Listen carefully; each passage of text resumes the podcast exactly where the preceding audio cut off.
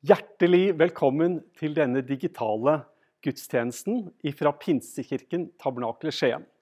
Navnet mitt er Helge Terje Gilbrandt, og jeg er pastor her i menigheten. La meg først si at etter at jeg har delt tanker med deg fra Bibelen, så kan du glede deg til en flott sang som bl.a. Hanna og Sara har sunget igjen. Men aller først denne gangen så har jeg så lyst til å begynne med å få lede i en bønn. Kjære Far i himmelen. Jeg takker deg for at vi får komme til deg i Jesu navn. Takk for din kjærlighet og takk for din nåde. Takk for den enkelte som hører på denne gudstjenesten. Og jeg ber om ditt nærvær. Jeg ber om din fred. Jeg ber om din kjærlighet skal få lov til å omslutte den enkelte. Takk, Herre Jesus, for at du er så tålmodig med oss, og at vi får ha en plass i ditt hjerte, og at du aldri skyver oss bort.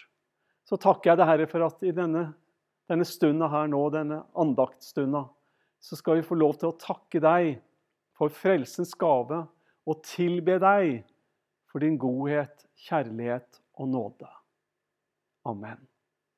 Sist søndag så pekte jeg på tre ting som vi trenger for å forstå det Bibelen faktisk sier til oss. Jeg drister meg altså til å si at det er ikke nok at vi bare har selve bibelteksten. Jeg pekte på at vi for det første så trenger vi Den hellige ånds hjelp. Jesus lærte oss jo at eh, det var så mange ting han skulle gjerne ha fortalt disiplene. Men at når han ikke lenger kunne være hos dem, da skulle Gud sende Den hellige ånd og den hellige ånd som far skal sende i mitt navn, skal lære dere alt og minne dere om alt det jeg har sagt dere. Jeg tror virkelig at vi trenger å lese Bibelen med bønn om at Den hellige ånd skal hjelpe oss til å forstå. For det andre så sa jeg at i tillegg til Den hellige ånds hjelp, så må vi erkjenne vi trenger visdom for å forstå Bibelen. Og jeg snakker ikke først og fremst om IQ, men jeg snakker om at Bibelen er en bok som er full av visdom, og som igjen og igjen viser oss hvordan visdom er nødvendig for å både forstå og anvende bibelboka. Litt trøst for oss er det jo at Bibelen også sier at om noen blant dere mangler visdom, skal han be til Gud, som villig og uten å bebreide gir til alle, og han skal få. Bibelen sier også i ordspråkene kapittel 2 vers 6. For det er Herren som gir visdom, kunnskap og forstand går ut fra hans munn. Og Jeg tror virkelig at vi trenger å lese Bibelen med en bønn om visdom, slik at vi kan forstå og anvende det Bibelen lærer. Det tredje elementet som vi trenger for å forstå Bibelen, det er kjærlighet. Og Paulus gir oss en virkelig sånn gullstandard. Paulus beskriver det sånn som dette i Rombrevet kapittel 13 vers 9.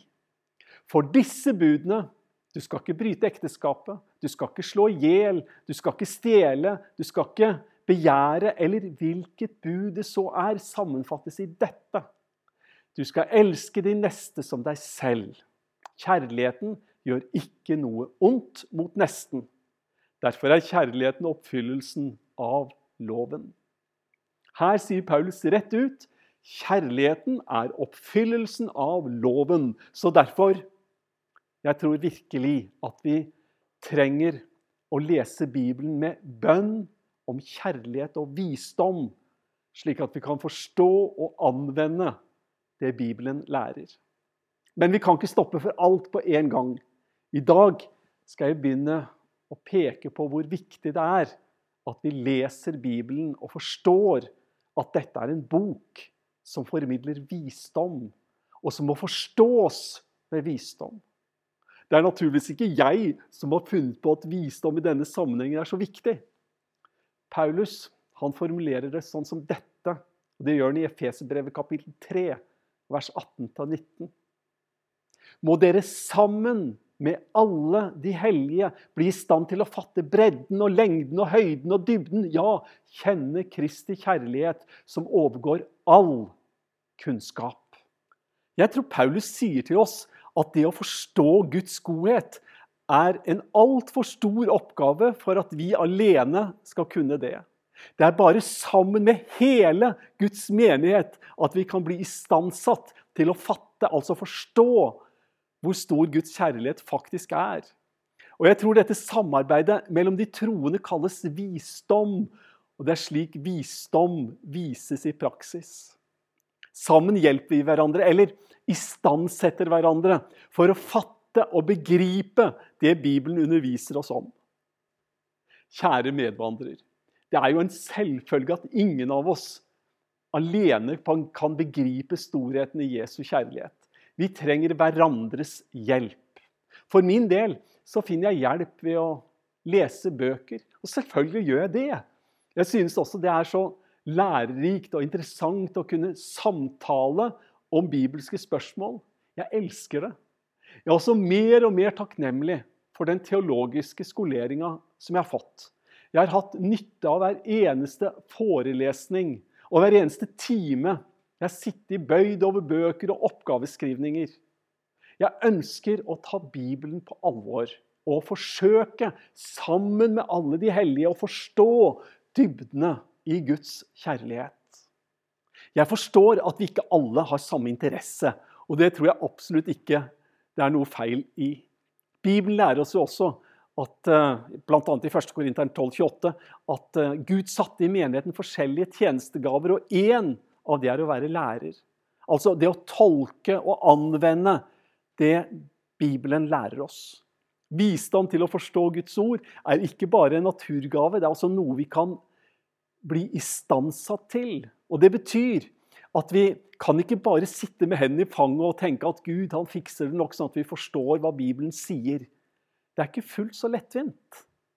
Vi må sette av tid til å lese og studere, samtale og diskutere, be og søke Gud. Og også leve med Gud, slik at hans nærvær og hans kjærlighet preger oss. Men du, for å si det litt enkelt, det er jo dette som er så gøy. Altså, Jeg ser jo noe på TV og kan glede meg veldig til å se en fotballkamp. Jeg tror absolutt at vi trenger noe av den type underholdning. Men jeg synes faktisk at det er mye mer gøy å lese og studere Bibelen enn å sitte og se en meningsløs såpeopera med en million episoder om alt og ingenting. Ikke bare les Bibelen, men begynn å studere Bibelen sammen med andre. Småfellesskap er kjempebra, men også gjerne i form av å lese bøker som personer med skikkelig og grundig kunnskap har skrevet. Se det du leser, i lys av hvor stor Guds kjærlighet er, hvor omfattende nåden er, og hvor fullstendig Jesus' seier på korset var. Da blir ikke Bibelen bare kunnskap.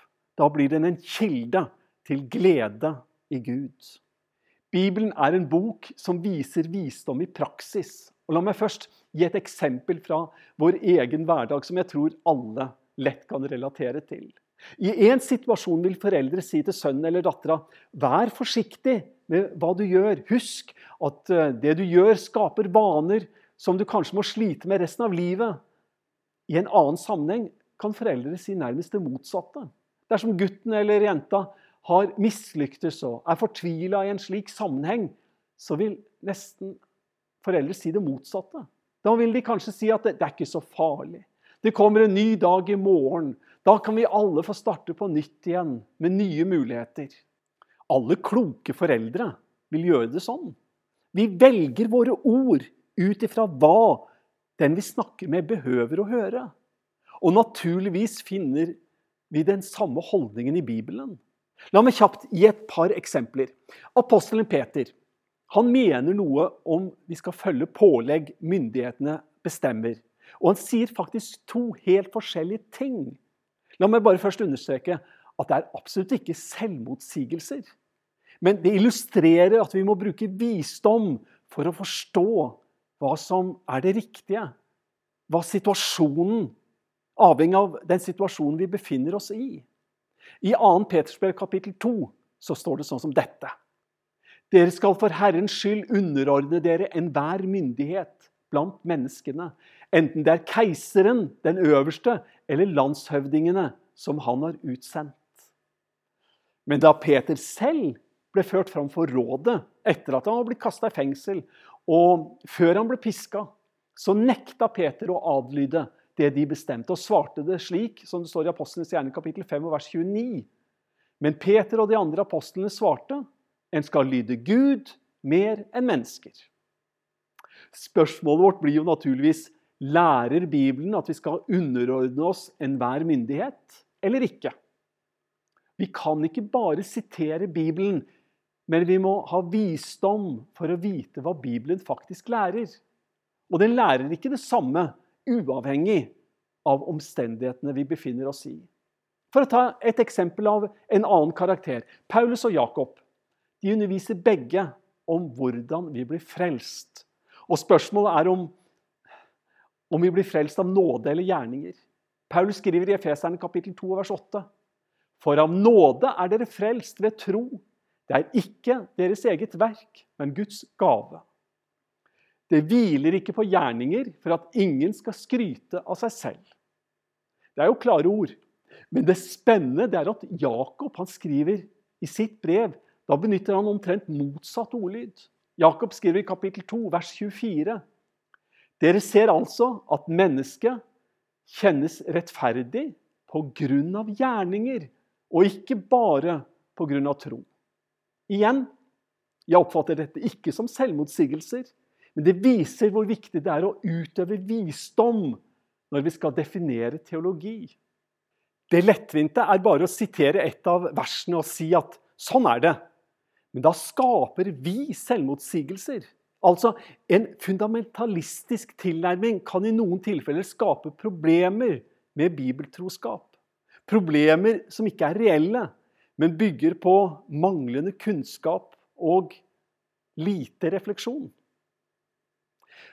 Som pastor så ønsker jeg å bygge et fundament som både unge og voksne kan bygge sin tro på. Det fundamentet er Bibelens undervisning. Men da må vi forklare denne undervisningen og forankre den i kunnskap og ydmykhet.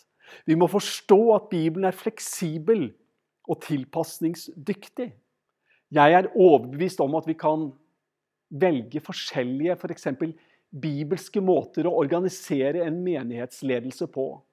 En forordning som er tilpassa f.eks. en afrikansk stammekultur, for så å ha en helt annen forordning i en sosialdemokratisk kultur som i Norge. Det bibelske vil være å finne gode løsninger som fungerer i disse forskjellige kulturene.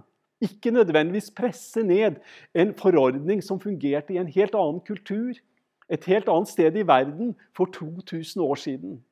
I en slik sammenheng risikerer vi å bli ubibelske i vårt forsøk på å være bibelsk.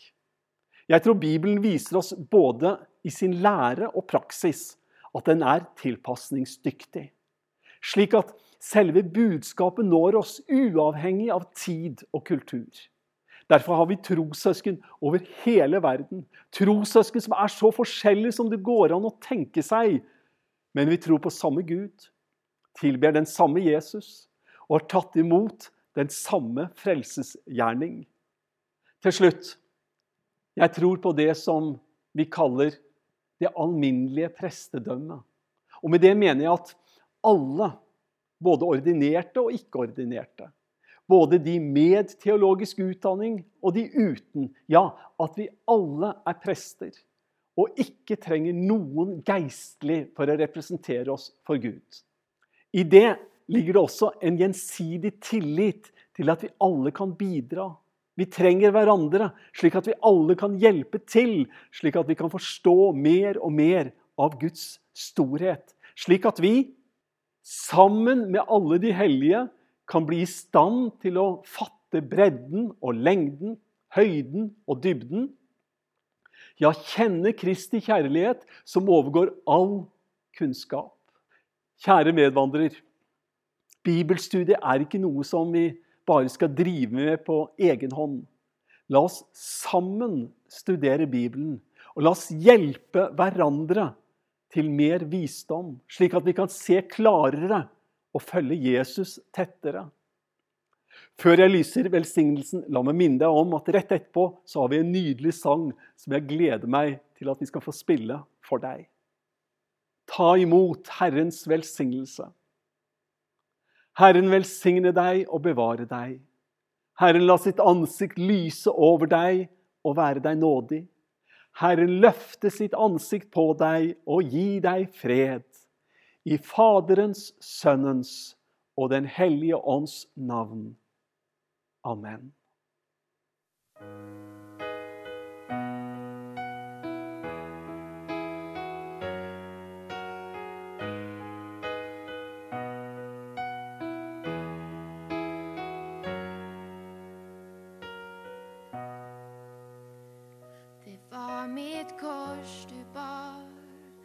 For at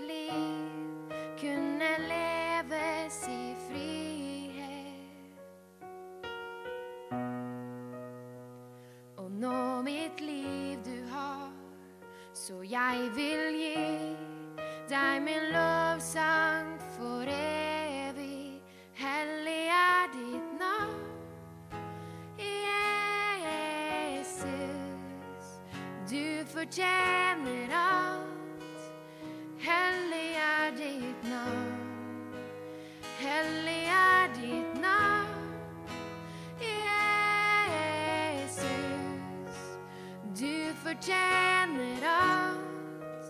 Hellig er ditt navn.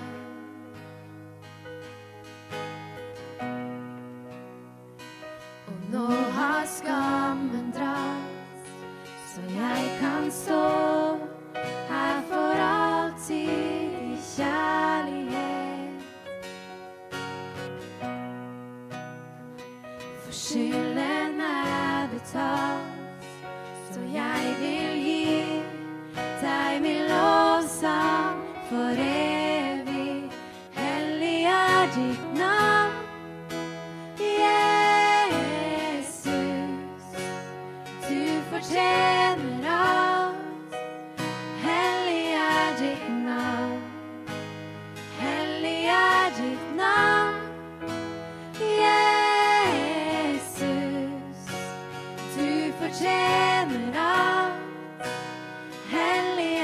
er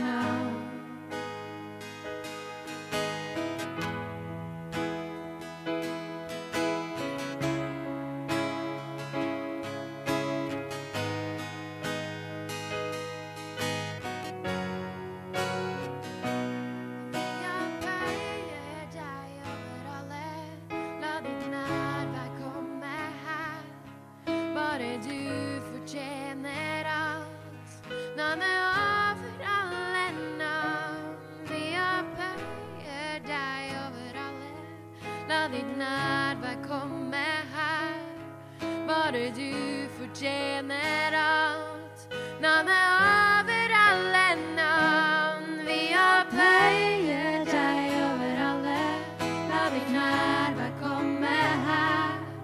Bare du fortjener